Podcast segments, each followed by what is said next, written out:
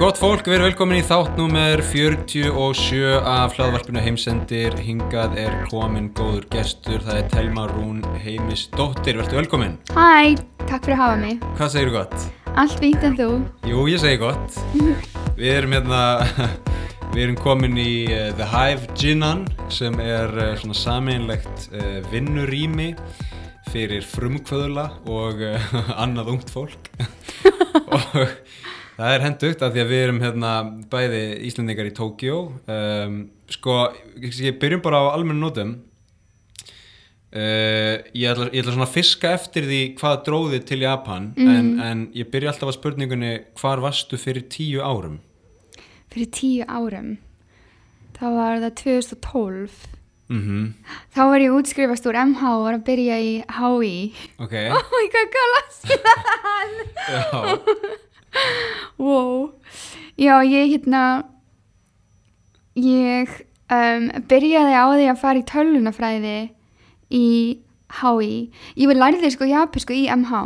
ok og e, því var komin í HÍ þá vildi ég, ég hef svo mikið áhuga á tölvum líka, ég elska tölvuleiki og allt þetta og það var svona smá draumur minn að kannski fara til Japans og búið til tölvuleiki ok, og því ég byrjaði í tölvunafræði þá voru kennarinnir svo ógeðslega leðilegir það var með þessi eitt tími þar sem kennarinn var að með held, held að var Java. Aha. Og hann var eitthvað, hverjir þekki Java? Og það rétti tveir upp hönd. Ok, þá ætlum ég ekkert að fara yfir þetta því þið hengið bara að lesa bókina. Og ég við erum hérna 12-15 sem þekkit ekki, þú ert að kenna okkur. Og svo þegar maður sendi e-mail á kennarana þá voru þeir bara eitthvað sorry, þú ert bara að lesa bókina. Og ég eitthvað, veist ég nennis ekki, það er ekkert verið að kenna mér þetta. Þannig ég hætti tölunafræði og svo kom í vinkuna mín sem heitir Victoria og sagði, Telma, þú elskar Japan svo mikið, ekkur ferði ekki bara í japansku? Ef þú læri japansku, þá getur þú pottitt verið skiptinum í Japan. Og ég eitthvað, oh, ok. Æ, ég, ég læti bara vaða, ég fyrir bara í þetta. Og svo bara skipti ég bara yfir í japansku and the rest is history. Já, mitt já, ok, og byrju japanska er tveggjára nám, eða hvað? Þrygg, nei, þryggjára Gjára, nám, já. Mhm. en tvö ár í Íslandi og svo eitt ár úti. Já, það er bíða í japansku og þannig að þú tókst tvö ár heima já, og svo fyrsta sinn til Japan. Já, og komst til Tókjó já. Og varst í hvaða skóla? Gakshuin. Gakshuing ok, og þú veist sko því ég kem til Japan hafandi lært ekkert í japansku þú veist þannig að þegar ég kom þá bara var ég í tvo mánuði algjörlega mállaus, skildi ekki neitt kunni ekkert að tjá mig um, og þurfti bara svona að bara, bara dýfa mér í djúpulögina og, og reyna einhvern veginn að pikka þetta upp mm. veist, ég lærði bara japansku út frá hérna skilur samtölum þú veist, á meðan kannski flestir eru með smá svona nám á bakinu, japansku nám mm. þannig að þú, þegar þú varst búin með tvö ári í japansku hvernig, veist, hversu góð varstu í japansku? mm, Sko, ég var flík í að lesa og skrifa en ekki svo mikið í hlustun og, og að tala Mm um, Ég gat, þú veist, gert svona basic hluti, þú veist, hæ, hvað segiru ég vil fá þetta, innan ég er svöng og þessi eitthvað svona -hmm. en ég valdi líka gagsvíðin út af því ég vissi það myndi ekki vera mikið af útlendingum. Mm -hmm. ég held að þeir taka bara 14-15 skiptinum en í Wasita það var svona 100 eða meira. Þannig þú veist ég vissi fyrirfram að ég áður en ég kom að ég var ekki það góð að spjalla. Já, þannig ég valdi hann að skóla til þess að æfa mig og þjála mig að tala. Og það var svolítið erfitt fyrst og um, hvað er orðið á íslenskunni? Uh, overwhelming?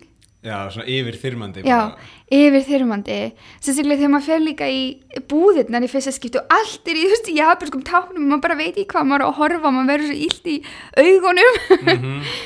en um, eftir svona þrjá mánuði þá gæti ég þú veist, það var orðinn miklu betri og gæti spjallað eðlilega Einmitt. Fyndið, algjörlega öfugt við mig sko. Ég náttúrulega kann ekkert að lesa en ég skrifa. uh, ég kann bara spjalla. og svona lengst til gæti ég bara spjalla svona casual japansku sko. ah, Svo þegar ég fór að gæta þá lærði ég aðeins að tala svona aðeins formlegri japansku, aðeins svona kurteisari japansku. mhm, En, en hérna, þú veist, ég, ég bara einmitt, pikka þetta bara upp út frá samtölum við jafningja, þú veist um, en síðan, ok, þú kemur til Japan og hérna uh, tekur þetta eina ár Mhm. í, og klárar japansku, fer vantilega heim til að útskrifast. Já, kemur svo strax aftur eða? já. Því ég um, því ég kom aftur heim þá var ég ok, núna er ég búið með japanskuna hvað á ég að gera næst? Og ég var svolítið spennt fyrir leiklist Mm og kíkti á kvikmyndaskóla Íslands. En ég eitthvað langar samt svo aftur til Japans Mhm. þannig ég prófaði að leita að leiklistaskóla í Japan og fann eitt sem tekur á móti útlingum Mhm. sótti um og komst inn og skóla ári byrja alltaf í apríl í Japan þannig ég þurfti að býða alveg í nokkra mánuði og var bara að sapla peninga með hann með að vinna í bláluninu einmitt og svo var ég bara komin aftur næsta árið Já, Jesus. Og byrju, hvað heitir sá skóli? hann heitir hérna óksla langnafn Já, hvað er með það?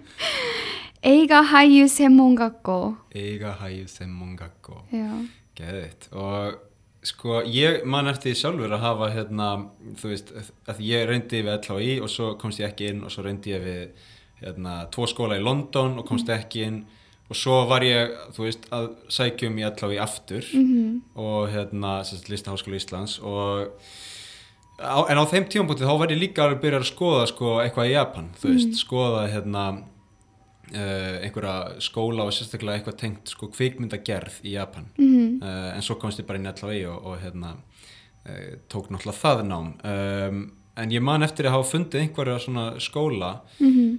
og ég man eftir að það virtist vera svona meiri skipting hvað segir maður, svona meiri sérhæfing á hverju deild fyrir sig veist til dæmis í, í LHI þá lærðum við alls konar skilur við lærðum eins og vorum að ræða hérna áðan við lærðum eitthvað smá í svona að setja upp ljós og þú veist við tókum alveg nokkra kúrsa í að ég raun bara framleiða leiksýningar líka og, og svona alls konar hlutverk bæði á sviði en líka einhvern veginn baku tjöldin. Mhm. um, en er það rétt skil hjá mér að það sé eins meiri sérhæfing hérna? Já, ég hérna lærði, þú veist, ég, ég lærði leiklist, ég fekk aldrei að snerta hérna myndavilna eða ljósin eða neitt svona, það voru allir bara með sitt hlutverk og átti bara að sjá um það. Og maður átti ekki að fara út fyrir sitt svið, maður bara að einbytta sér á því sem maður á að gera. Einmitt. og svo glemdi líka hinn helmingin að nafnum á skólanum. Já, hvað er með það? Hérna, það er Tokyo fyrir mun senda eiga hægi sem mongakko já, já, já, já, ok. Það er setning.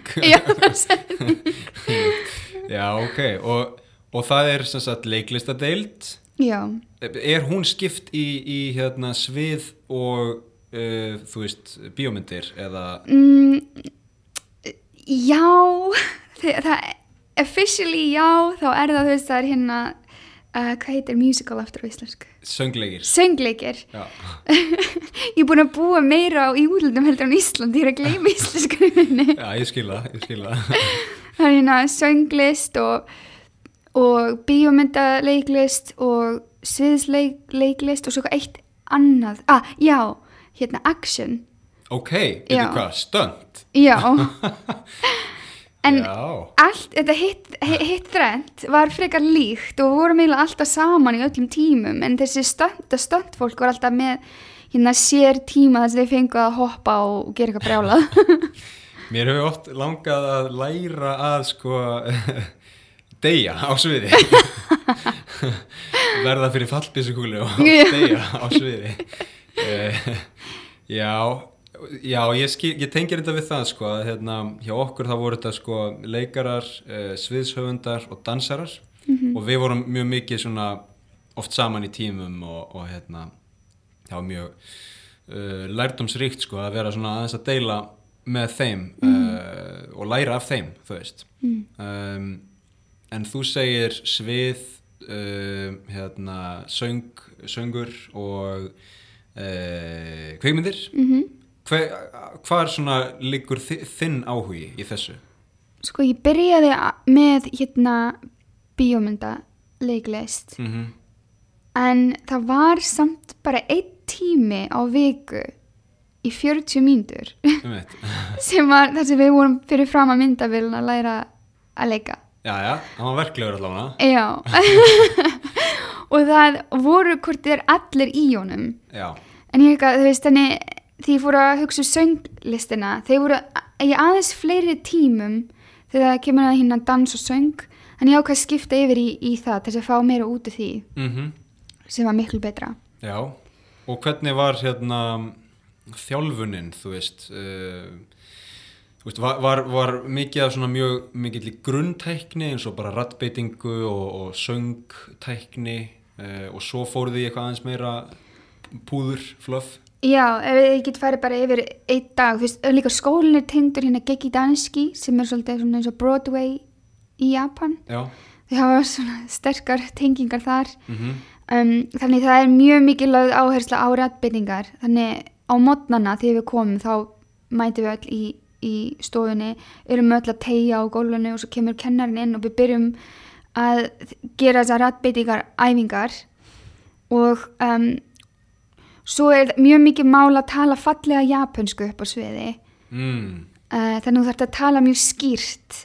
Þannig við erum að æfa það líka með rættbyttingarnar mhm, og það er alveg í klukkutíma og svo tegjum við eitthvað meira og svo fyrir við í ballett mm, og um, söngtíma og svo leiklistatíma og svo á kvöldin þá er söngleikja fólkið það er alveg einn og hálfan tíma eða tvo þar sem við erum að læra heilt sín mhm, frá úr, einhverju bíómynd til dæmis eins og Mamma Mia mhm, þá byrjum við að læra eitt lag, við lærum líka dansinn og svo komum við öll saman og, og bara performum það bara fyrir framann kennarana. ok, En kennarnir eru svo ógeðslega strángir þannig að allir eru bara á taugum.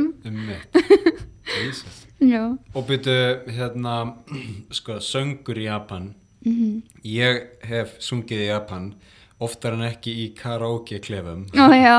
og þegar ég fer með Japanum í karaoke þá syng ég sko Frank Sinatra og, og hérna, David Bowie og Elton John og svona.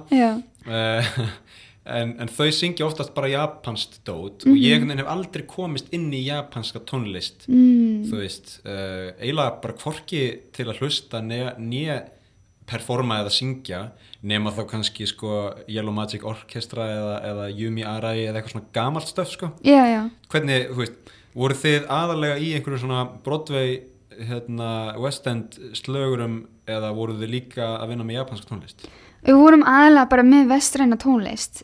Aðalega það sem hérna Gekki Danski, hérna Broadway hérna í Japan er að vinna í Disney og Disney-lögin og öll svona Broadway um, söngleikjar. Við lærðum öll þessi lög á japansku. Já, já, já, já. Það var ómögulegt fyrir Japan að syngja það á ennsku. Sekai o misero já, eitthvað svona mjög gætt, mjög gætt, mjög gætt já, já, já, ok og hérna um, og þannig að en, en, en þegar kemur að hreyfingu og svona þú veist, því sem, því sem heitir að góður íslensku movement, já. hvernig hérna var svo þjálfun Það var aðalega bara í gegnum dansi. Við lærðum ballett og jazz, jazz ballett. mm -hmm.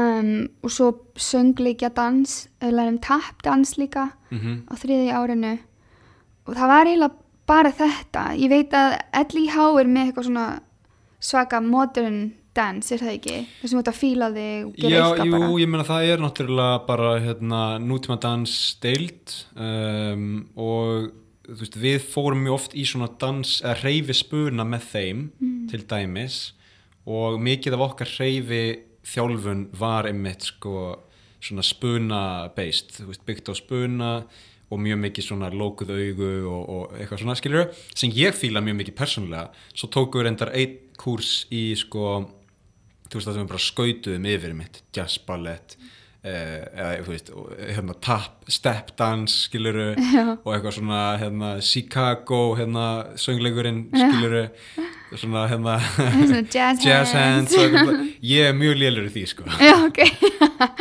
Við vorum þjálfuð í botn í því, sko, við gerðum enga svona nútíma dans og ég er ekki viss um að krakkarnir sem ég var með í skólanum myndi þúra, þúra því mm, sem er svolítið fyndið þegar að fara í leiklist en þeir eru samt svo feimin Já, ok. En hvað er þá, uh, hvað, þú veist, dregur þau í leiklist? Hvað langar þau að gera? sko ef ég verð alveg hreinskilin þá er sagt, sagt í Japan að þeir sem geta ekki farið í háskóla, venjulegan háskóla enda með því að fara í um, heitir svona technical college Mm -hmm. Þannig Yðin skóla eða eitthvað svona? já, yðin skóla þannig þú veist, e- þetta er rosalega ljótt en að þeir eru ekki nógu gáfu til þess að komast í háskóla þannig að þeir verði eiginlega bara að fara í yðin skóla Einmitt. Já, Við erum með það sama í Íslandi, sko, en það bara er ekki satt, skilur, en, Nei, ok. en ég skil þið. Já, þannig mikið af þeim voru í því en svo voru margir hérna, sérstaklega þeir sem voru í, í stöndtóknum þeir geta, það er eitthvað sem heitir Kamen Rider í Japan, þekkir það? Uh, Býtu, er það hérna þegar fólk er svona eiginlega í svona mexikóskum svona glímugala? Já, nákvæmlega Svona Nacho Libre? Já, allt bara falið, það sést ekki neitt, já, Einmitt, já. Já, af því þið geta, þú veist, vera alveg frá toppi til táar í búning, þá Já, finnst þeim já, það eitthvað vola hérna, spennandi og þá, um leið fyrir komin í búningin, þá bara geta þið tjási alveg sakalega. Emmitt. Já, en svo er líka margar stelpur sem voru í ballett og vildu komast í hérna japanska Broadway Mhm. og þetta var ein, eina leiðin. Já, já, já, já. Emmitt. Já, þetta er áhugavert. Um, hvað hérna, sko, hvað getur við sagt? Um, af því að þau eru ekki mikið hreyfispuna og þið voru ekki mikið hreyfispuna, voru þið eitthvað í venjulegum spuna? Þú veist, improvisation? Ah, já, við reyndum það. Ok,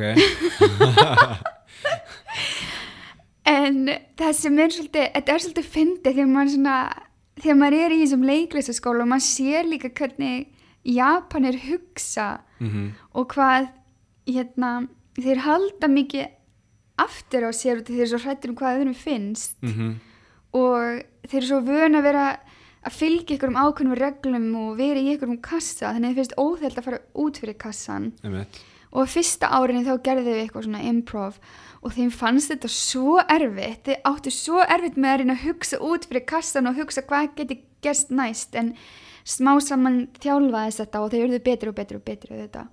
Vær, þú veist, er það bara, uh, hvað segir maður, eru þau þá kannski bara svona að, að um, undirbúa sig fyrir það að fá bara handrit í hendurnar, fá bara langan tíma til að æfa og svo performa þegar allt er 100% tilbúið, Já, um og það er málið þú færð handrit í Japan, þú mátt ekki fara út fyrir handritið, þú mátt ekki missa orð, það verður að vera 100%. Af hverju er það? Ég veit, ég veit ekki, það er ekki, ég held að sé eitthvað svona að því að hérna leikstjórin eða einhver skrifaði handritið, þá til að sína húnum virðingu, þá ferðu ekki út fyrir, þú ferð út fyrir, þá ert að segja svona, þá ert eiginlega að segja ég kann þetta betur en þú, þú veist ekki hvað þú ert að skrifa. Einmitt, það er svona einhver meistara menning hérna, sko. Já, já. Já, Jesus, ég sko, ég man að eitt af fyrsta sem við lærðum um, á okkar skólagöngu í Listaháskóla Íslands var sko að mistök eru gjafir frá Guði, þú veist. Ó, Bara, hérna, ef þú gerir mistök á sviði, hvort sem það er í, í hreyfingum eða texta eða bara einhverju, veist, þá, hérna, er það eins og það sé bara gjöf from above, skiluru, og hérna, oft, það er líka gaman, sko, maður talar oft við, hérna, leikara sem eru kannski að sína hundra sýningar, skilur, er að sína eitthvað söngleiki eða eitthvað svona dót og, og hérna sem er kannski bara algjörlega komið inn í líkamann og þau þurfa ekkert að pæli og þau bara, þú veist, bara mæta og gera og búið, skilur og svo kannski á síningu 89 þá rugglast einhver mm. þú veist, og gleymi línu mm. og þá allt í hennu kviknar á öllum leikurunum -hmm. og allir fara, á- þú veist, er á tánum og byttu, byttu, hvað gerðist, hvað gerðist sko? ok, hver, hver er boltinn, hver er boltinn, hver er boltinn hver er boltinn, þú veist, skilur Já. og hérna áhorfundur sjá þetta, þau sjá þetta oftast ekki sem op, op, op, þarna klikkaði einhver. Já, já, veist, þau sjá bara, wow, hörðu, það er allir lifna, það lifna allir við hérna. Já, já, wow, þetta er gaman. Og þetta er oft bestu sýningarnar. Já, þannig að það er svona þú veist, og, og af því að við líka tókum svolítið mikið spuna og, og hérna, bæði í hreyfingu og líka í bara texta þá lærðu við ágætlega að um, taka á móti þessum mistökum, þessum gjöfum skilur mm. af því það er svo gaman þegar eitthvað fer í smá steik og, og maður þarf eitthvað aðeins að vinna úr því sko. Um, ekki hér. það var sko, maður hamraði í manni ef maður gerir mistök, sko. Jesus í, hefur lent í ykkur svona þar sem þú eitthvað ferði eitthvað aðeins öðru sem eitthvað línu og það er bara hérna, bara höfundurinn snýr sér við í gröfinni líka við. Já, hérna, þe- þegar við vorum að æfa, við erum alveg marga vikur í stofinni að æfa fyrir sýningu mm og það kom alveg til, veist, að, að því, þú veist, ég er ekki, ég var eina hvítastelpan í öllu skólanum. -hmm. og hérna og ég var ekki japanska mér var ekki eins góð eins og ég held ég var komin í þessu skóla ég skildi bara svona 50% af því sem var í gangi fyrstu mánuðina. Já, og það allt var á japansku og hérna og þá auðvitað er hérna handritið á japansku og ég þarf að muna línutnum mínar á japansku og þá ég til að gleyma eitt og eitt orð og þá bara var allt stoppað. Hefur þú sagt vitlaust, e, aftur. Línan er svona, set aftur. Jesus og ef maður myndi gera mistök þá eru allir líka ekki bara kennarinnir, heldur líka vinir manns og þeir, þeir sem eru með manni í þessu verða pyrraðar út í manni Mm. mm. oh, hún gerði aftur mistök hvernig ætlar hún að læra þetta einmitt og það gerðist líka fyrir mér sko að á þriðja árinu þá erum við bara í söngleikjum Aha. og hérna ég vildi alltaf fara heim eftir skóladaginn að því vorum í kannski 12-14 klukkutíma á dag að æfa. Ég vildi bara komast heim, fá mér að borða og halda áfram að æfa heima hjá mér í friði. Aha. og að því ég gerði það, ég fór alltaf heim og undan þá var litið niður á mér og vinkunum mínar hættu að tala við mig. Einmitt. Og ég skildi þetta ekki, ég er eitthvað af hverju er enginn að tala við mig? Og þau eru eitthvað, að því telma, þú ferð alltaf ein heim og við veitum ekkert hvað þú ert að gera heima. Þú ert öruglega bara sofandi, þú ert ekkert að æfa þig. Og ég, eitthvað, ég er að æfa mig akkur þegar ég er sín ykkur að ég er að æfa mig. Og þau Jesus. eru eitthvað, við erum öll að gera þetta við erum öll langt fram eftir að æfa okkur þú ert bara farin heim að chilla. Og ég er eitthvað, nei!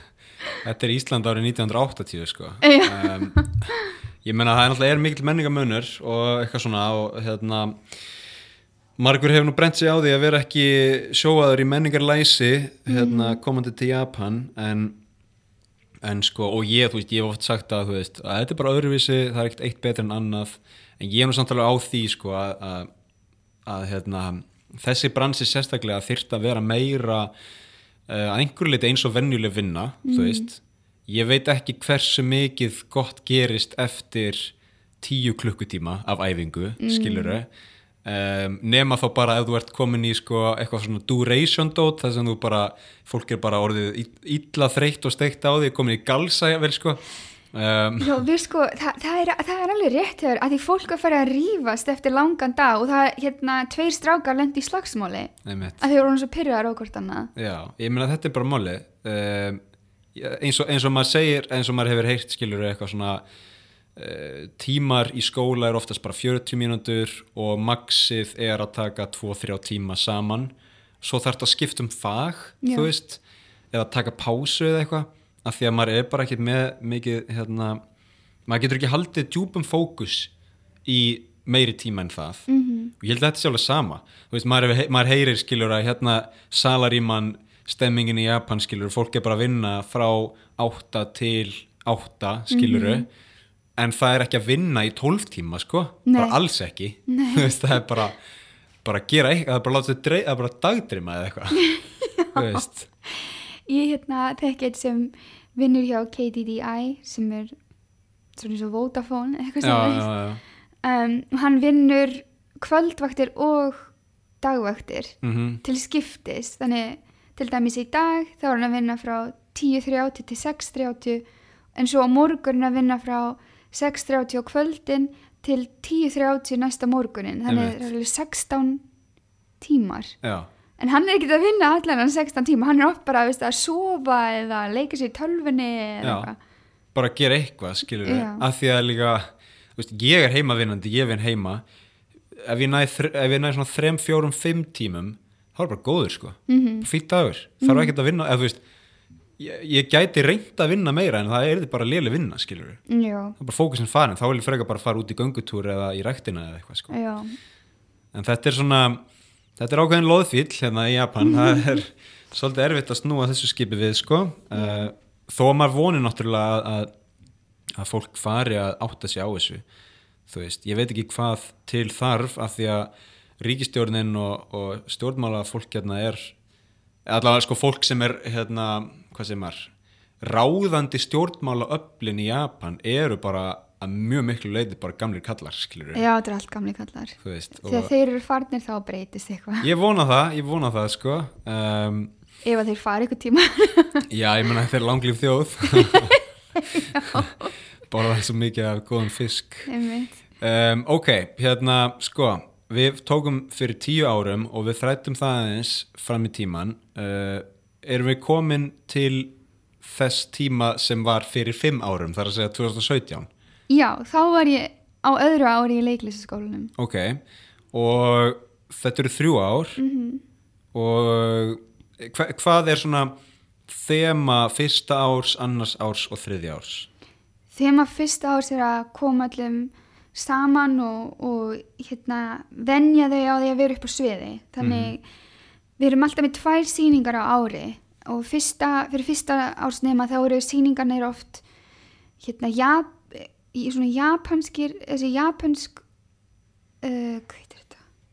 hefbundið, Já, svona hefbundi japansk. Kabiki, no nei, nei ekki alveg svo hefbundi ég var að mér ekki svona svo sjö klukktímar mér er svona bíómynd sem allir þekkja. Já, já, já, eða saga sem allir japanir þekkja. Einmitt, þannig þeir, þeir þekkja þessa sögu þannig þeir, þá líður maður betur upp á sviði og, Mhm. og, og, vita hvað gerist næst Mhm. alveg potið um, og það er mjög mikið verið að, að hérna passa það að við gerum rættbyttingarna rétt og, og æfum dans og svona. Og svo öðru ári þá er farið aðeins kannski meira hefðbundara þá erum við erum að gera Edo. Já, Edo period. Já. Og þá ég þekki japanska sögu ekki mjög, ekki mjög vel sko. Ó. en já, ég veit um það. En það var bara allir svona samúræjar og allt já, svo já, já, já. og tölum alveg í hérna gamalli japansku þannig þú veist þessu hérna þú þekkir gozaimasu. Já, í nútíma japansku þá segir maður gozaimasu en í gamalli japansku þá er það gozaimasuru. Já, já það er svona já, arigato gozaimasu já, já, ég veit og hérna sem þýðir takk. Já og við fengum að klæða okkur upp í svona kimono og og áttum við sjálfa að fara við, og svo er það líka, við áttum sjálfa að fara að kaupa okkar búninga. Mhm. Og við finn, það er ofta hægt að finna, finna rosalega flotta búninga hérna. En svo allan að ég fekk loksins aðal hlutverk á öðru árinu mínu þá var ég auðvitað útlíkur sem hérna time traveled. Já, bara í tímavél. Já, mætt til Edo já, mætti áttur að vera úr nútímanum. Já, ég var nútíma útleið stelpa sem já, fór svona í einhverju tímavíl og fór aftur í Edo period. Og sálin mín fór inn í líkamann á japanskri prinsessu. yes. Þannig ég þurfti að leika japanskri prinsessu og þurfti að svissa á milli karaktera. já, en byrju varstu þá fyrst í arigato gozaimasu? Já, og svo þegar þú varst komin í prinsessuna þá varst í arigato gozaimasu já. það, var, það var ógeðslega gaman og svona því ég hérna, fór aftur í tíman þá auðvitað í hérna, fyrstu senunni þá var ég bara prinsessan og svo bara hvað er, hva, hva, hva, hva, hvað er þetta? það var ógeðslega gaman en svo var ein, ein sena þar sem ég var alltaf að rugglast á, Já. á æfingum, það var allir að vera vittlisir á mér en þá átti ég að vera aftur prinsessan og tala í svona gamallir japansku en þá átti að hérna, að vera með tónlistinni. Mm. þannig þurfti vera, að það þurfti að vera 100% fullkomið. Ef að ég get ekki rétt þá hefur það áhrif á þann sem kemur á eftir mér því hann þarf að passa sig að þetta kemur á rétta bít já, já, allt, allt í takti. Allt í takti við tónlistinni. Einmitt. Og alveg að fyrstu sýningunni ég rugglaði þetta alltaf. Hverju einustu sýning og þá var allir bara oh. Telma getur þetta ekki, þetta er bara búið þetta er bara að vera algjörð að vera ömulegt en svo fyrsta sýninguna þá gati ég þetta. Yes. Og það voru allir bak sig bara ekki, yes, þú gast þetta vel gert. Og við gerum þetta þrisa sinnum og ég gati þetta hver, hverja sýningu. Ég var svo ánægð. Gekkjað. Var þetta sönglegur? þetta var ekki það var samt Nei, það var ekki söngleikur, það var einhver dans við söng, Já, eða veist, það var enginn að syngja samt, það var dans við tónlist. Emmett. En svo þriðja árið, þá er það söngleikja árið, þá erum við bara að gera söngleiki. Og það eru samt tvær sýningar á því ári. Já, Ein haust, ein vor, eða byrjunni, þið byrjiði apríl þannig að það er hvað, veist, já.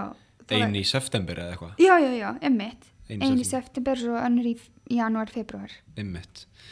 Áhugavert. Og svo útskrifastu þar, eða byrju, ok, hvaða, hvaða söngleiki tókuð þið? Á, í september þá gerðum við West Side Story Mm og í janúar, februar þá gerðum við Crazy For You. Ok, og hérna, hver var ykkur svona, áttur ykkur svona stóra uppgötun á því ári, hvað var svona stóð upp úr?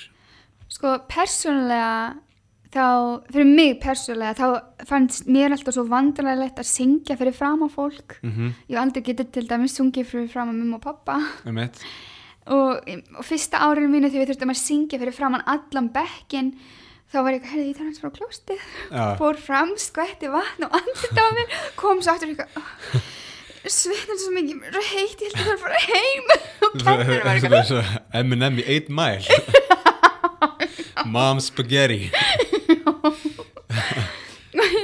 ég var ofta að gera eitthvað svona að reyna að koma mér út í því að syngja frá fólk en svo þegar komið að söngleikina ég ég verð að hætta þessu ruggli ég verð að fara að syngja fyrir Já, og svo gati ég það. Já, þannig það var mjög mikið svona upplifin fyrir mig að geta það. Já, geggjað. Já, en svo svona með alla, það gerðist eitt sko, ég reyndar tók ekki þátt í West Side Story, ég þurfti að fara heim til Íslands. Ok, en að þetta er svo þungt og þungt, þungt leikrit. Mhm, það tók allir að svolítið inn á sér mhm. og andamsloftið í bekknum því ég kom tilbaka var mjög þungur. Já, og allir voru leiðir og allt voru erfitt og ofta rífast og svona. Og svo að kenna hann bara eitthvað, herðu þetta stoppar núna núna ætla við og hverjum einsta degi að skrifa fimm hluti sem við erum þakklátt fyrir. Já, já. Og við byrjum að gera þetta á hverjum einasta degi í byrjun tímans. Og innan við viku þá var andrúmsloftið allt öðruvísi í bekknum. Allir hlæjandi, brosandi og elskandi allt og alla. Ok, það var mjög skemmtilegt að sjá það gerast. Er þetta, er þetta aðferð sem þú hefur tekið með þér? ójá, Mhm, sérstaklega þegar ég er döbrið á erfitt á, á ég til að byrja að skrifa niður sem ég er þakklátt fyrir og maður svona minnist þess eitthvað, ójá, það er ekki eins slemt þess að ég var að gera það í hausnum á mér Nei, ég, ég veit af þessari aðferð, ég hef ekki stundað hana nógu mikið, sko. Um, ég man alltaf eftir, það er kannski eitthvað frekar fyrir mig sem er svona eitthvað sem Tim Ferris, hérna, sem er svona hlaðvarpari, gerði einhvern tímann á sín tíma, uh, sem er svona eitthvað að, að stunda stóisma. Þú veist, hann er svona, hann klæðir sig í bara einhvern kubl og hérna fer ekki í sturtu í eina viku og er svona milli Vá. þess að fasta og að borða bara hrísgrón og bönir veist, og hann er basically, þú veist, að því að hann er bara eitthvað vel efnaður gaur og, og hérna er bara eitthvað svona fjárfestir slags podcastari slags ruglidallur í, í San Francisco skilur -hmm. og á bara stórt hús og eitthvað svona en alltaf einu sinni eða tvisvar árið og tekur hann viku þar sem hann veist, innan gæsarlappa lifir eins og gömlu stó stói hérna, stóisismannir stóis uh, heimsbygginganir uh, og bara einhvern veginn svona meinláta lifnaði skilur, er bara að prófa að lifa eins og hann eigi ekki neitt -hmm. og sjá, já, það er kannski ekki svo slæmt skilur, já, Já. þó allan að sjálfa um mig eitthvað svona. Um, hann alltaf veit að hann á fullt. Þannig að það veit ég alveg hvort það verður ekki en ég, hérna, ég tengi svona jú, við þetta einhverju leiti sko, að, hérna, þú veist ég, ég tek oft föstur og, og svona hérna, þú veist um, það er oft gott sko að einbytta sér. Ég er náttúrulega fyrir bara í rektina líka ef mér Já. illa sko. Ég Nei. hérna þá fer ég bara í ræktina og reynir bara að lifta eins þungt og ég get og þá bara líður mann oft betur. Já, nákvæmlega. Ég held að, ég held að sé rosa gott eins og þú varst að segja hana með hana, svona að fara alveg back to basics og vera svona, að, þú veist, þegar maður er umkringdur allt dótið og allt fólkið og allt Instagram og Facebook og svona, það verður svo yfirþyrmandi mm og svo maður fyrir back to basics maður er bara, ok, það er ekki eins slæmt þess að ég er að gera þetta ég þekki Japana vinn minn sem fór í búttista klaustur Mhm. í viku. Það mátti ekki tala í viku. -hmm. og borða bara vegamat mátti ekki vera í tölvunni, mátti ekki vera með síman allt tekið frá þér. Og ert bara í viku, ekkert að tala og ert hérna í hugleiðislu mhm. og hann sagði að þetta breytti algjörlega sínans á, á heiminu og lífið hans. Ég held þessi rosa mikilvægt að gera þetta reglulega. Já, ég trúi því. Og ég hérna, ég, bara væri til að prófa þetta sko. Já, ég mjög langar að prófa þetta líka. Já, uh, var þetta eitthvað sem hann bara uh, þekkti til eða, eða hafði hann bara samband eða Já. er hann, er hann, er hann hérna, búttisti eða þú veist?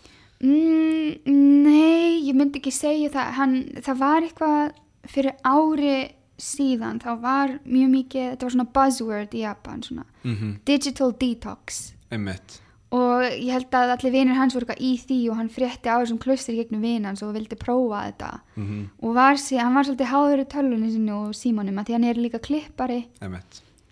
Og eftir það þá bara svona slaka hann hans á í símamálunum og svona. Einmitt. Ég sko, ég held að Japan sé rosalega krefjandi, sko Tókjó sérstaklega hvað þetta varðar, mm. af því það er svo mikið af hljóðum og auglýsingum og litum og ljósum og áreiti allstaðar, algjörlega. Þú veist, maður er bara í rugglinu, sko, bara það að, að taka lestina frá hús heima, þess að frá hérna, heima frá og í vinnu eða eitthvað, eitthvað í bæ, skiluru, þú, þú ert bara uh, að fara, ert bara að labba í gegnum heilt haf af áreiti, skiluru, hvers konar áreiti, það er verið að selja þér eitthvað, það er náttúrulega, núna er að koma kostningar Já. og það eru sko kostningatrukkar að keira um götuna með svona eh, gall- gjallarhorn skiluru eh, að bara blasta einhverjum áráðri hér og þar. Fólk stendur upp á pöllum og þú veist það er verið að dreifa einhverjum svona flærum um, og svo kemur í Shibuya og það eru auglýsingaskiltin út um allt og, og háfaðinn og þetta er bara Þetta er endalaust, það er rétt að þú segir þetta, ég átti að mig ekki á þessu, ég, var í, á Íslandi fyrir nokkur vikum síðan, mamma og pappi fluttið til Selfoss út í sveit, ég man eftir eitthvað, ah, þessi, ég heyri fuglasöng, emitt en mér er það bara heima hjá mér hérna, það er alltaf, ég heyri alltaf eitthvað sírenur, töna, fólk að hlæja, fólk að öskra, bílar, bíp, bíp, endalaust, það er alveg rétt að þetta verður mjög þreytandi. og þetta pluss einhvern veginn Instagram og, og samfélagsmiðlar og þú veist, þetta er bara ég get vel skilja þetta, ég held þetta sé mitt sko ég held þetta sé ekki, að ég vona að framtíðin verði ekki þannig að uh, bara fólk sem á efni á því getur farið í eitthvað svona eitthvað svona kapitalista hippa re- resort að fara í eitthvað silent treatment í viku eða, eða tvær vikur skiluru, heldur ég væri til þetta væri bara hluti af uh, bara heilbríðskerfunu eða skiluru að það er að Já. segja að allir gætu haft hérna, aðgang að einhverju svona. Mm þú veist, þetta er ekki bara fyrir fólk sem er orðið háð símanum þú veist, heldur bara fyrir alla að einhvern veginn reyna að halda sér góðum myndi ég Alveg halda sko. ég heldur stuðli líka að kvíða og þunglindi. algjörlega, og ég, hérna, ég held að sko Tókjó sé rosalega góð innan gæðsalapa borg til að verða mjög einmanna og kvíðin og þunglindur, skilur Ég þekki það mjög vel. Já, þú veist, stæsta borg í heimi Já. hér er allt til alls, hér er öll tungumál í heiminum Já. alls konar matur þú getur gert hvað sem er en það einhvern veginn þú getur líka einungrast alveg í döðlur Ó já, sérstaklega með COVID þegar það var í gangi, þá var það alveg ræðilegt. já, betur það er 2020 um, ef við bara brúum bylið frá 2017 til 2020 hvað varst að stúsa þá? Ég útskrifaðist í leiklisskólanum 2019. Já, já, já, já, sorry, þú varst á öðru ári 2017 Já. ok, þannig að það, það, það hérna, er þá flott 2019 Já, og svo kem ég aðeins heim, er að vinna í IKEA Mhm. það var ógeðslega gaman. Ég verði alveg til að fara þar áttur og hérna, svo kom ég aftur og var að reyna að finna vinnu allt sumari frá júni alveg frá upp í ágúst. Mhm. ég er þrjá mánuð að finna vinnu. Og ég sótti um hjá öruglega 250 fyrirtæki. Og fekk aldrei svar. Og svo reyndar endaði með því að ég var orðin svolítið einmanna mhm, því allir leiklisskóla vinnir mínir voru bara farnir í sinni vinnu og farnir hitt og þetta. Mhm. Ég ákvaði að fara í kirkju Já, hérna í Japan, kristinni kirkju. Já. Og þetta er ekki svona, svona kalt. Nei, nei. Það hérna. En þessi kirkja er mjög fín. Hún heitir Lifehouse mhm, og hún velkomnar, hún velkomnar alla þú þarft ekki að vera kristin til þess að taka þátt. Mhm, það var meiri hérna samkynnitt fólk sem var að koma og bara fíla þetta allir í bótt mhm þegar þú kemur fyrst Já, þá ertu bara eitthvað, býttu er þetta kirkja? Hvað, hvað er þetta? Að það er sko einhver EDM tónlist og allir bara dúf, dúf, dúf I love Jesus, dúf, dúf Einmitt. ógeðislega gaman og maður bara eitthvað að hoppa alveg bara sem maður er í klubnum sko Og hvernig er húsið eða staðurinn? Er þetta, þú veist, hvíti bekkir og, og kirkjulegt eða er þetta eins og klúbur? Nei, þetta, er svona stór salur sem þeir leiga. Mhm, með bara stóla út um allt og risa stórt svið og fólk upp á svið að syngja og hérna það eru svona mismundi ljós alveg á alveg gangi og allir að hoppa og dansa og svona og með, æ, hvað heitir þetta? Svona eitthvað í hendunum að- Svona skrollar og Já, Hristu já og svo róast allt og maður sest niður og svo farið að tala um það sem er kent í biblíunni. Mhm, og hérna þessi fólk á mjög mikið til að hérna sem öskiljanlegt að setja út á biblíunni. En það er mjög margt í biblíunni sem er rosalega flott. Mhm, og þetta hjálpaði mér alveg ógeðslega mikið því ég var rosalega einmanna að því bygg, það byggist líka svona community inn í kirkjunni. Mhm og eftir háti þá skiptist upp í stelpur og stráka og myndum svona hóp og svo líka yngri stelpur og eldri stelpur. Við tölum öll um það sem við erum að gangi gegnum, það er engin að halda aftur á sér. Og svo hérna erum við að styðja hvort annað og við hérna um, byggjum fyrir hvort annað. En hvernig við byggjum er ekki þú veist, æ, æ, góði Guð please, viltu hjálpa mér, please, please, please. Það er ekki þannig, heldur Nei. við góði Guð, takk fyrir að gefa okkur þetta. Við erum spennt fyrir framtíðinu og við vitum að hérna, þetta vandamál og eftir að lagast. Mhm. og þetta er svona jákvætt og gefur maður svolítið svona meira confidence. Emmett og líka þegar maður er með svona stuðningsnet í kirkjunni þá finnst maður ekkert eins og maður sér, sé einn. Nei, nei, nei, nei, nei. Og byrju þetta er ágúst 2019 já, þannig að þú ert þá kannski bara nokkuð vel komin inn í þe þetta samfélag uh, þegar COVID skellur á mm. -hmm. Skellur COVID á á sama tíma hérna og, og á Íslandi? það byrjaði mars 2020 Já, ok, svipað Já, en svo, já, eftir hérna í kirkjuna þá, ég var að láta alltaf byggja, byggja fyrir mig um að fá vinnu. Og svo loksins fekk ég vinnu í september sem leiklist, eða ekki leiklista, heldur leikskólakennari. Ok. Og ég lofaði sjálfur mér alltaf því ég flutti til hérna í Japan, ég myndi aldrei verða ennsku kennari eins og allir aðrir, ég ætla að fá mig góða vinnu, að þetta er mjög illa launað og lili vinna. En svo var þetta bara ógislega gaman Að vera leikskólakennari? Já, að Já, kenna þessu litlu sæti börnum. Ég trúi því, sko. Ég trúi því líka að það sé ekki vel launað Þetta er ekki vel miður, um, það er bara eh, held ég alls þar þannig, eða Mhm. þú veist. Um, Ok, og já, það er bara japanskur leikskóli. Já, Það er ekkert svona alþjóðlegt eða neitt þannig.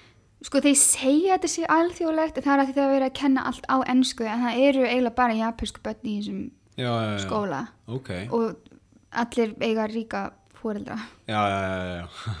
Það kostar sko held ég eina til tvær miljónir á ári að vera í þessum skóla. Ah, let's go.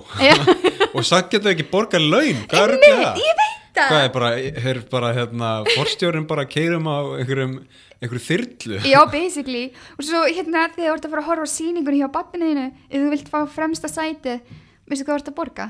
Nei, 100 skall. Jesus maður. Mm Hún er Þetta bara er- mjólkaði eins mikið um getur. Jesus Já, uh, ok, þannig að þú ferði inn í það í september, Mhm. heldur áfram í kirkjunni, Mm. hvernig, hvernig bránar þetta svo yfir í hérna, COVID-ið? Úf, já, svo kemur COVID og það er allir vorulega hrættir að því að, þú veist, skiljanlega, þetta er nýtt, ekki fyrirbæri, nýtt kvef, ekki kvef, fyrir ekki, nýtt Já, bara veira og þú veira, veist, já, já. ný veira og það var allir mjög hrættir, ég líka og skólinn, þau lókuðu skólan, það var allt bara fljótlega allt sett bara online Mhm. og það var bara kenna í gegnum tölvu Mhm. sem er mjög erfitt því að nefndiðinir eru tveggjára og kirkjan lokaði, það mátti ekki hitta neitt, ég var bara lokað inn í mínu litli íbúð bara í nokkra mánuði, þrjá, fjóra mánuði mm.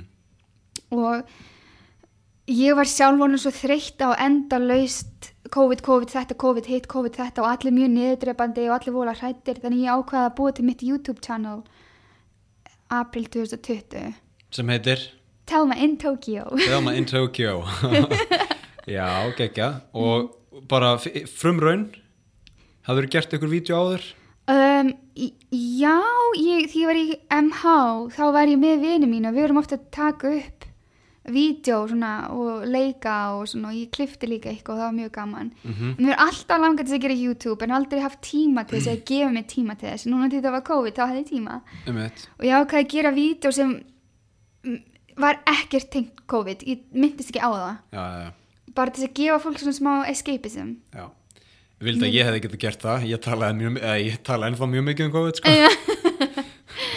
Það er skiljulegt, það eru allir að tala um það. Já, já. Og hvað, og, og hérna, uh, hvernig, þú veist, ef þú tekur nokkur dæmi um titla á myndböndum, eða þú veist, svona þemu sem þú varst að taka fyrir. Í fyrst var ég bara að leika mér, þannig ég gerði hérna eitt vídeo þar sem að ég breytti baðherbyggi mitt í karaoke herbyggi. Ok, Því ég, ég syng oft í sturtunni. já, já, og það er svo það það er gott hérna ekko já, já, já, gott að það er akústik. já, í baðherbygginu það var geggjað á karaoke hérna. En ég ákvað bara að breyta í karaoke herbyggi það var skemmtilegsta vídeo sem ég hef gert. Og ég var alveg í tvo, þrjá tíma í sturtunum minni að syngja.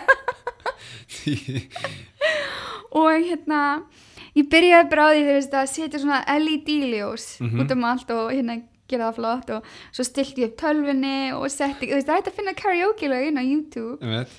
setti það þar og svo var ég með mitt hérna eins og er hérna í Japan drink bar já, já, og var með popcorn og svo keipti ég líka svona karaoke mic einmitt.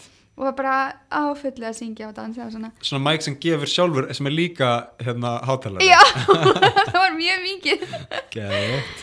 en svo hérna enda ég á því að kveikja óvart á sturtinni Já, já, já. í miðri söng sem var ekki mjög Þess, og yfir, yfir allt rastlið já, var með alla og ég var reyndi blöð Ok, mjög gott. Og þú veist, hvernig var, skiluru, ég meina, sko, Ísland var ekki í einhverju svona lockdown-dóti. Nei. Fólk mátti fara út. Mhm. Uh, Sömurlönd voru bara, Sömurlönd í Evrópu og, og hérna, Kína og svona, ég meina, það er bara, hefur maður heyrt að fólk gæti bara ekkert farið út. Hvernig var þetta hérna? sko þú máttir alveg fara út það var enginn sem stoppaði og þú fórst út en það var oft hérna í hverfinu mínu það var svona hátalarar sem eru notaðir þegar það er til dæmis hérna tæfún eða Mhm. jarðskjaldar eitthvað svo leiðis um, þá var það, ég held ég var tveggja þryggja tíma fresti það sem var endalaust á japansku kínversku og ennsku og kóreisku sem var að segja veriði heima, veriði heima veriði var við COVID, veriði var við COVID veriði heima Ángreins. það var svolítið, það var, var mjög creepy. Mér finnst það mjög óþægilegt. Það var svona eins og heimsendir. Já, já, þú segir. Og, byrju og máttur fara í kirkju eða, nei, nei, en var það online? það endaði með því já að það var gert online en það var alveg margi mánuðir sem var ekkert, Ekkert. gert. Því það vissi enginn, þú veist, er þetta að vera, er þetta að vera búið eftir tvo mánu, eftir þrjá er, er þetta búið í næstu viku? Já, little did they know. Já, mitt og, en leikskólinn? Leikskólinn, hann var alveg hana, online í, í fjóra mánu alveg fram í sumar. Það er svo mikið madness. Hvað er, what? Þetta var rugl, sko. Það er brjálað. Já, og Byrju, leikskóla börn á Zoom? Já, What? þetta, þetta var rugglað sko og þú veist og hérna við byrjum sko þá byrjaði tíminn hálf tíu Mhm. þá hafði ég bara fyrsta hálf tíma þá er ég bara að leika og syngja og hello, how are you Já, og þeir eru tveggjar og bara, ah, bú, bú, bú, bú, bú, bara eitthvað snerta skjáin og horfa hitt og þanga ekkert að hlusta, ekkert að fylgjast Aha. með og svo fyrir við klukkutíma pásu og svo komum við aftur í 20 mínútur og þá er ég að kenna þeim orð dagsins Mhm. svo fyrir við einn og hálfa tíma pásu uh, og svo komum við aftur kannski hálf tvö í kortur í viðbót að segja bæ. Þannig að samtals er þetta einn og, nei hvað? Einn og hálfur eitthvað svona. einn og hálf tími online. En byrju, ertu, varst, ertu eða varstu að hérna, taka inn svona element úr leiklistinni í þetta, þú veist, að syngja og dansa og... já, það hjálpa mjög mikið. Mm það hjálpa mjög mikið að hérna hafa það, þann bakgrunn til að vera leikskóla kennari Já, næs Og ertu ennþá þar? Eða? Nei, ég hætti út af því yfirmaðurinn var alveg fræðileg hún var Ok. góð við mig, hún var mjög góð við mig en hún hérna kom ekki vel fram með filipsku starfsfólkið. Emmett og einara var ólétt og hún neitt hana til þess að vinna alveg þangar til að hún bara var búin að fæða Emmett að vikuð hún fætti batnið Já, já, já. Og svo var hún komin aftur eftir tvær vikur. Svona hluti sem eru ólöglegir Yes. yes. af mörgum stöðum. En, en hérna Já, Japan er svona alls konar, Japan er alls konar land það er bara hannig Já. um, Ok, og hérna ef við bara stökkum sko, hvað, hérna, hvernig byrjar árið 2022? sko þá var ég byrjuð í vinnu fyrir Hollywood Reporter Japan Mm þá voru þið nýbúin að opna skrifstofu hérna í Tókjó og maðurinn sem sá um þetta, ég kynntist honum í gegnum annari vinnu. Á meðan ég var leikskóla þá var ég líka í hliðastarfi í hérna því að vera producer, -hmm. Framleiðandi? framleiðandi. Ok, fyrir, fyrir hvað þá? Þetta er hérna fyrirtæki sem heitir Aurora Borealis Entertainment Mm -hmm. og það er Íslandingar sem sér, sér um þetta Mm og Amerikani og þeir eru ofta að taka viðtölu að búa til þætti og svona og ég hafði samband við það og vildi endilega hjálpa -hmm. og hef verið að vinna með þeim núna í 2,5 ár Ok, fengið að taka viðtölu fullt af fólki og svona mjög gaman geggjað og í gegnum þeirri vinnu kynntist ég þessu manni. Og ég er ætla að hugsaðlega að búa til YouTube-vídeó um mína upplifun. Ég veit ekki hvort að ég verður lögsótt fyrir það ekki. En hann hérna kynnti, kynnti mig fyrir þessu vinnu og segi ég vil endilega fá þér í þetta því þú kannt ennsku og japansku og íslensku og kannt að klippa myndbönd og ert góð á YouTube og svona. Mm svo byrja ég í því og er byrja fyrst í sölu. Þá er ég að fara í alls konar hérna fyrirtæki hérna í Japan hérna, tónlistu fyrirtæki uh, framleiðendar, kveikmyndaframleiðendar og svona. Byrjum um að selja eða kaupa auglýsinga í ameríska blaðinu mm til þess að auglýsa sig. -hmm. og gerði það allt á japansku og svo kom í ljós að yfirmaðurinn minn var ekki búin að læsensa nafnið Hollywood Reporter Já, en var samt að nota það út um allt á Instagram og businesskortin sín og svona og Mhm. þau eru ekki, ef þú heldur þess áfram þá verður við að lögsækja þig Mhm. og þá þurftum við að stoppa allt máttum ekkert gera í tengslu við Hollywood Reporter og í staðin fór ég að hjálpa þeim með móðurfyrirtæki eða byggja upp YouTube hjá móðurfyrirtækinu Mhm. og þessi maður bara veit ekkit hvað hann er að gera Mhm. vill gera hérna vídeo um fimmstjórni hótel til þess að komast, til að fá ríkar konur til að koma og horfa á YouTube-ið Mm. að einhvern tíminn í framtíðinni þá ætla hann að selja þeim báta Já, já, já ég ok, ef að það er hérna hóparinn sem þú vilt fá, þá vinnum við í því og svo liði ykkur vikur og hann fær frábæri hugmyndum að fá Mr. Beast þú veist hver Mr. Beast er uh, Negative það veit alveg einhverjum er hann er hérna youtuber en hann er með hérna næst mestu fylgjendur á YouTube Ok en það er, veist, það er bara börn sem horfa á hann mm. og, veist, og ég fyrir að segja en þú veist, þú vilt ríkar konur í Asíu þær eru ekki að horfa á Mr. Beast og hann er eitthvað, já en ég verði að fá Mr. Beast ég var að ráðleggja hann hann hlustar ekki, öskarar á mig kennir mig um mistöki sín og það endaði með því þetta var ómikið stress ég misti 5 kíló Mhm. og þurfti að bara hætta Mhm. hérna, hann læði mig mjög mikið í einelti, bara við vorum bara tvöðin á skrifstofunni sko. ok, og það var mik- margt annað sem, sem gerðist. Þannig ég þurfti að hætta því og núna er ég að leita vinnu. Ég skil. Hendi YouTube maður. Já, ég meina, þú veist er hans þess að bara halda áfram að, hérna, keira þetta skrýtna program já það bara virkar ekki neitt. Nei, nei, menn alltaf ömulegt ef hann er að koma illa fram við fólk og, og hérna, já, svona hvað segir maður, sigla undir fölsku flaggi, skiluru nota ykkur vörumerki og, og eitthvað svona uh, hljómar, eða, ég, ég vil bara eins og hann sé smá svona scam artist, eða þú veist. Hann er það hann notar það Tokyo Weekender blað mhm, sem er mjög frægt að meðal útlendinga hérna í Japan. Mhm. Og hann vinnur ekki fyrir þá hann tekur, hann fyrir eina síðu þá tekur hann nokkra myndir og sendir myndirnar áfram á þá og þeir setja það í blaðið já, já. en að þetta er svona gott nafn þannig að hann fyrir út á Malta og segir alltaf ég vinn fyrir Tokyo Weekender og smikla sér svona inn Einmitt. Já, það er alltaf hérna, það er til alls konar fólk í heiminum ójá, sérstaklega í Japan En, en gott að þú gast hérna bara hætt, takstu I quit. Já. Sko hann var ekki alveg þannig. Ég hérna, hann var reyna að kenna mér aftur um sína eigin mistök og ég er ekki og var að öskra á mig og ég er ekki, þú ætlar að öskra á mig þá ætla ég ekki að tala við þig. Mhm. þá öskar hann á mig, get out! Og ég ekki, ok, og skellti hurðan eftir á mér og hann sagði, never come back. Jesus maður. Já, og eitti öllu vist, öllu sem ég gerði. Þannig náði ekkit að maður all, búið býr alltaf til svona invoice. Mm til þess að fá borgað, ég gæti ekki eins og fengið aðgang að því lengur og allt farið Og gast ekki fengið borgað? Ég, jú, ég hérna hafði bara samband við móðufyrirtæki og sagði það sem gerðist og Einmitt. þau var bara í beinu sambandi við, við þau, annars hefði ég ekki Nei, fengið borgað. Jesus maður.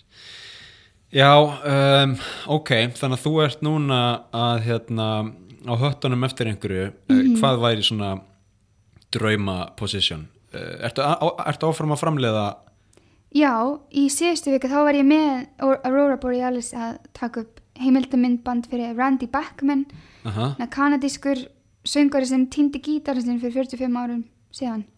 Já, byrju, eitthvað sá ég um þetta Já, þetta var ógislega gaman. Ég fikk að, að vera með í því og fylgjast með þessu og hjálpa til og þýða og allt svona. mm Og ég tók líka viðtal við hann, hann er yndislegur. Ok, Þannig ég fæ að vera svona af og til í svona project. Geggjað Og hvað hérna sko nú ert þú bara leikari, skiluru Já. í Tókjó hvaða tækifæri eru fyrir erlenda leikara í Tókjó Þau eru mjög fá. ok, mjög fá.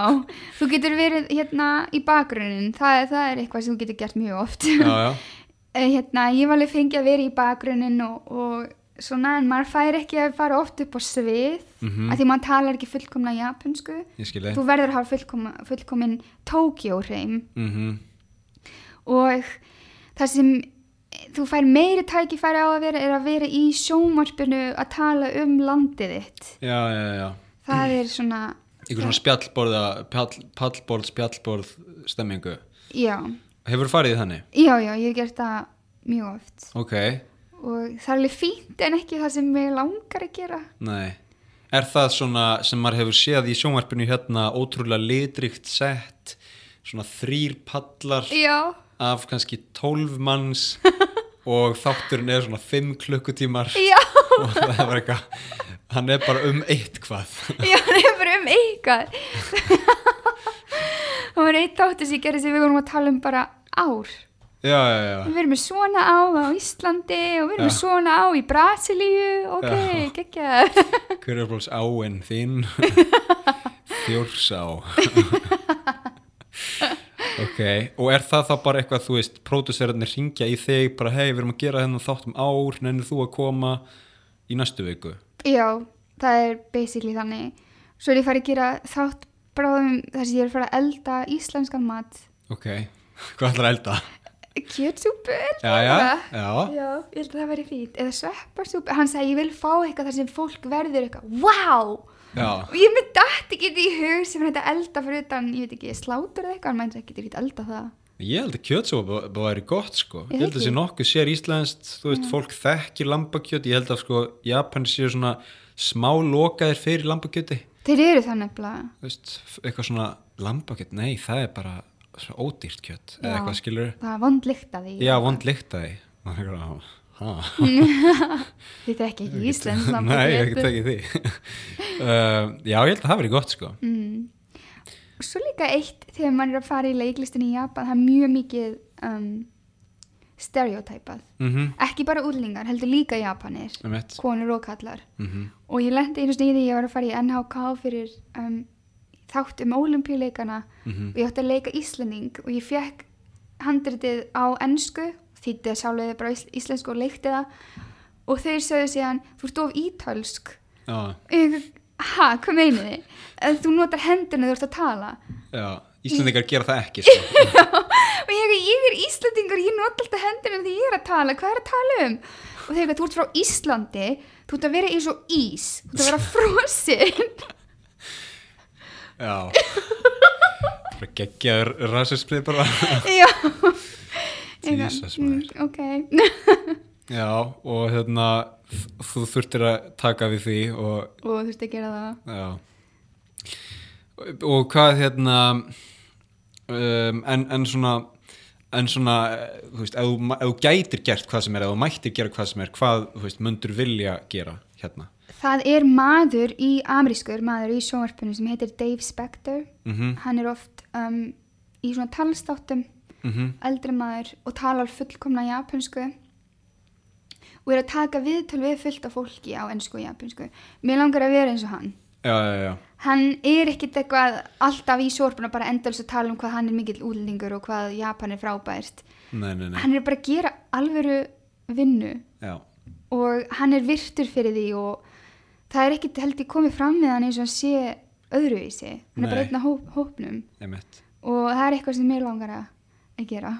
Já, ég, ég sko tengi. Ég held nefnilega að það sé eins og með þessa stereotypu og, og útlendinga í sjónvarpinu í Japan, þú veist, það er oft bara eins og þetta sé svona smá showcase, smá svona bara, jável eins og maður sem mætur í dýragarð, skilur mm, það er bara hérna er útlendingur hlustum á hvað viðkomandi talar skrýtna japansku eða þú veist hvern, hérna, hvernig býr fólk á Íslandi? Býr það í skilur þú veist, hérna, í Snjóhúsi íglúum? eða- eða eitthvað. nei, við gerum það nú ekki. Eh, hvað er hérna, heitt á Íslandi á sömrin að 15 gráður. Það er bara 15 gráður. Það er hérna fáránlega lítið eða skilur ég var, ég, ég var einu sinni beðin um hérna, að tala um álfa. Já, og ég áður en við fórum í sjónvarpi þá verið tekin í svona meeting og þeir eru eitthvað, þið trúið á álfa eða það ekki, eitthvað en ekki allir, kannski svona 10% af þjóðinni, ég, þú mátt ekki segja þetta þú verður að segja allir trúa á Einmitt. áttu mynd af álfa nei, ég á ekki mynd af álfa ok, getur þið photoshoppa mynd fyrir, fyrir okkur af já. Jesus Christ.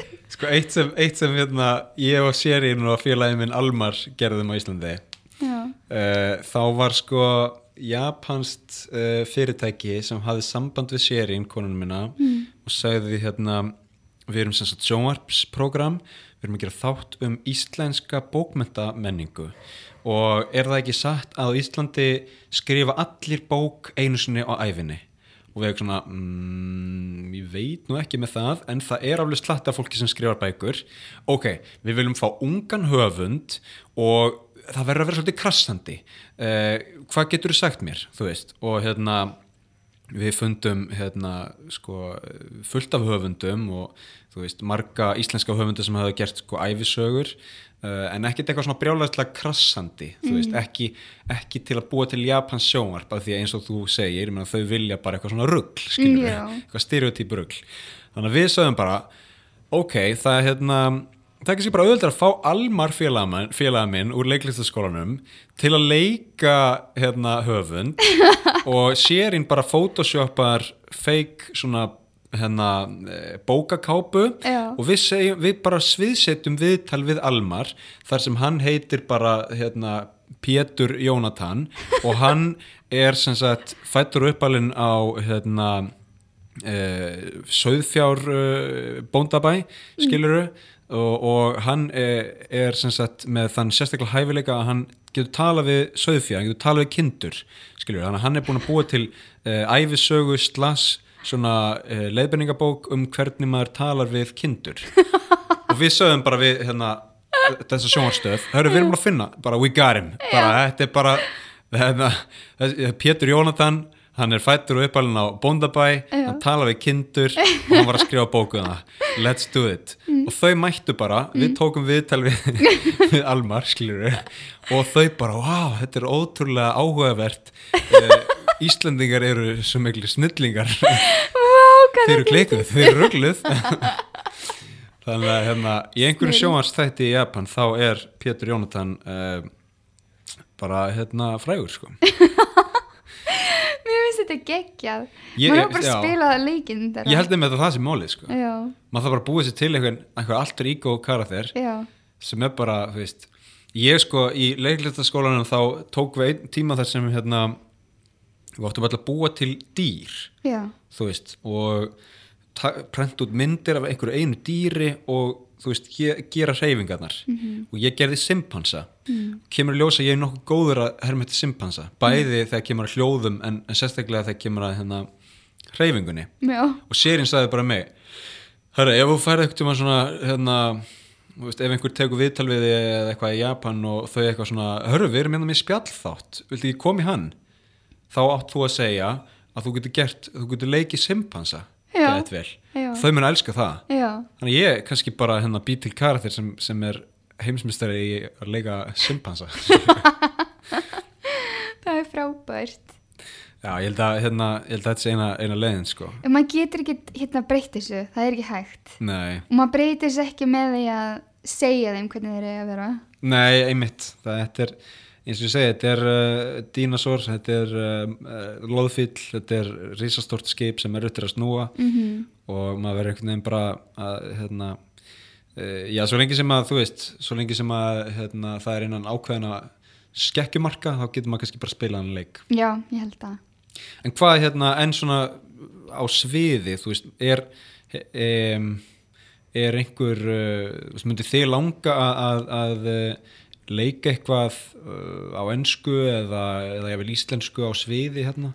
Ó já, það væri ókvæslega gaman. Ég veit um leiklistar hóp sem er fullur af úlningum. Mm Þegar ég gera hérna einu svona ári leiklist eða söng, söngleik. Um, en því mér ég aldrei getað tekið þátt að því þeir eru á æfingum þegar fólk er vinnandi. já, já, já, Og söngleikurinn er, held ég, ekkert um helgar nei, sem er mjög erfitt á að taka þátt en einhver tíman vonandi.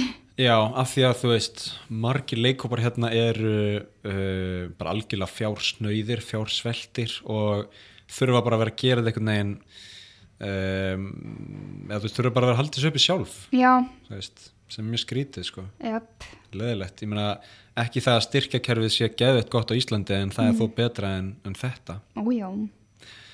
Herru, hvað séður þú fyrir þér ef, ef við tökum eitt svona loka markmið ársins, um, markmið eða svona eitthvað sem væri geggjað að gera? eitthvað sem væri geggjað að gera í Japan þá.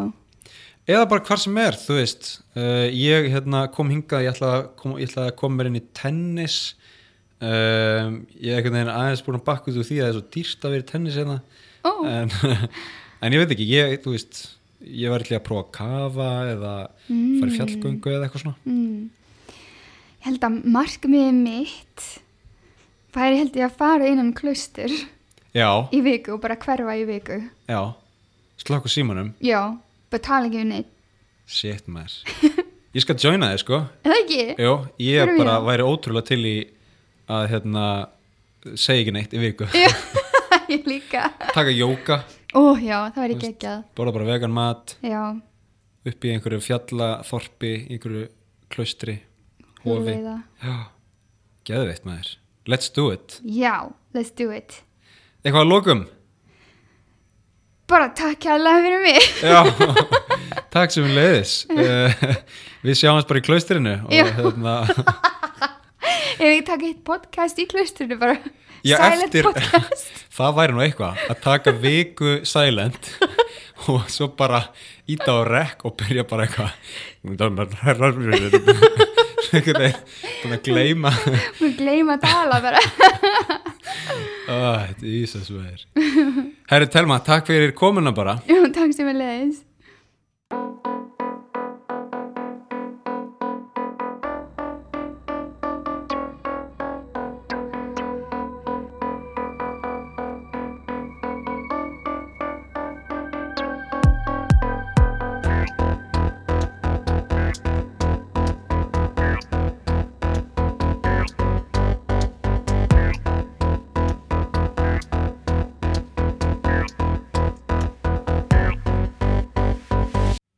Kæri hlustandi, takk fyrir að hlusta. Í dag langar mig að byggja um einn lítinn greiða og hann er sá að eh, taka mynd eða myndband af ykkur að hlusta. Hvar eru þið að hlusta? Eru þið í garðvinnu að reyta arfa? Eru þið í eldhúsinu að vaska upp? Eru þið út að hlaupa eða í rektinni eða í útlöndum? Bara hvar eru þið að hlusta á hlaðvarpið? Það væri mjög gaman að sjá og vita og endilega hendið í, í takk á heimsendir neðustrygg podcast á Instagram þannig ég geti séð eh, myndirnar. Takk fyrir það, takk fyrir að hlusta og við heyrumst í næsta þætti.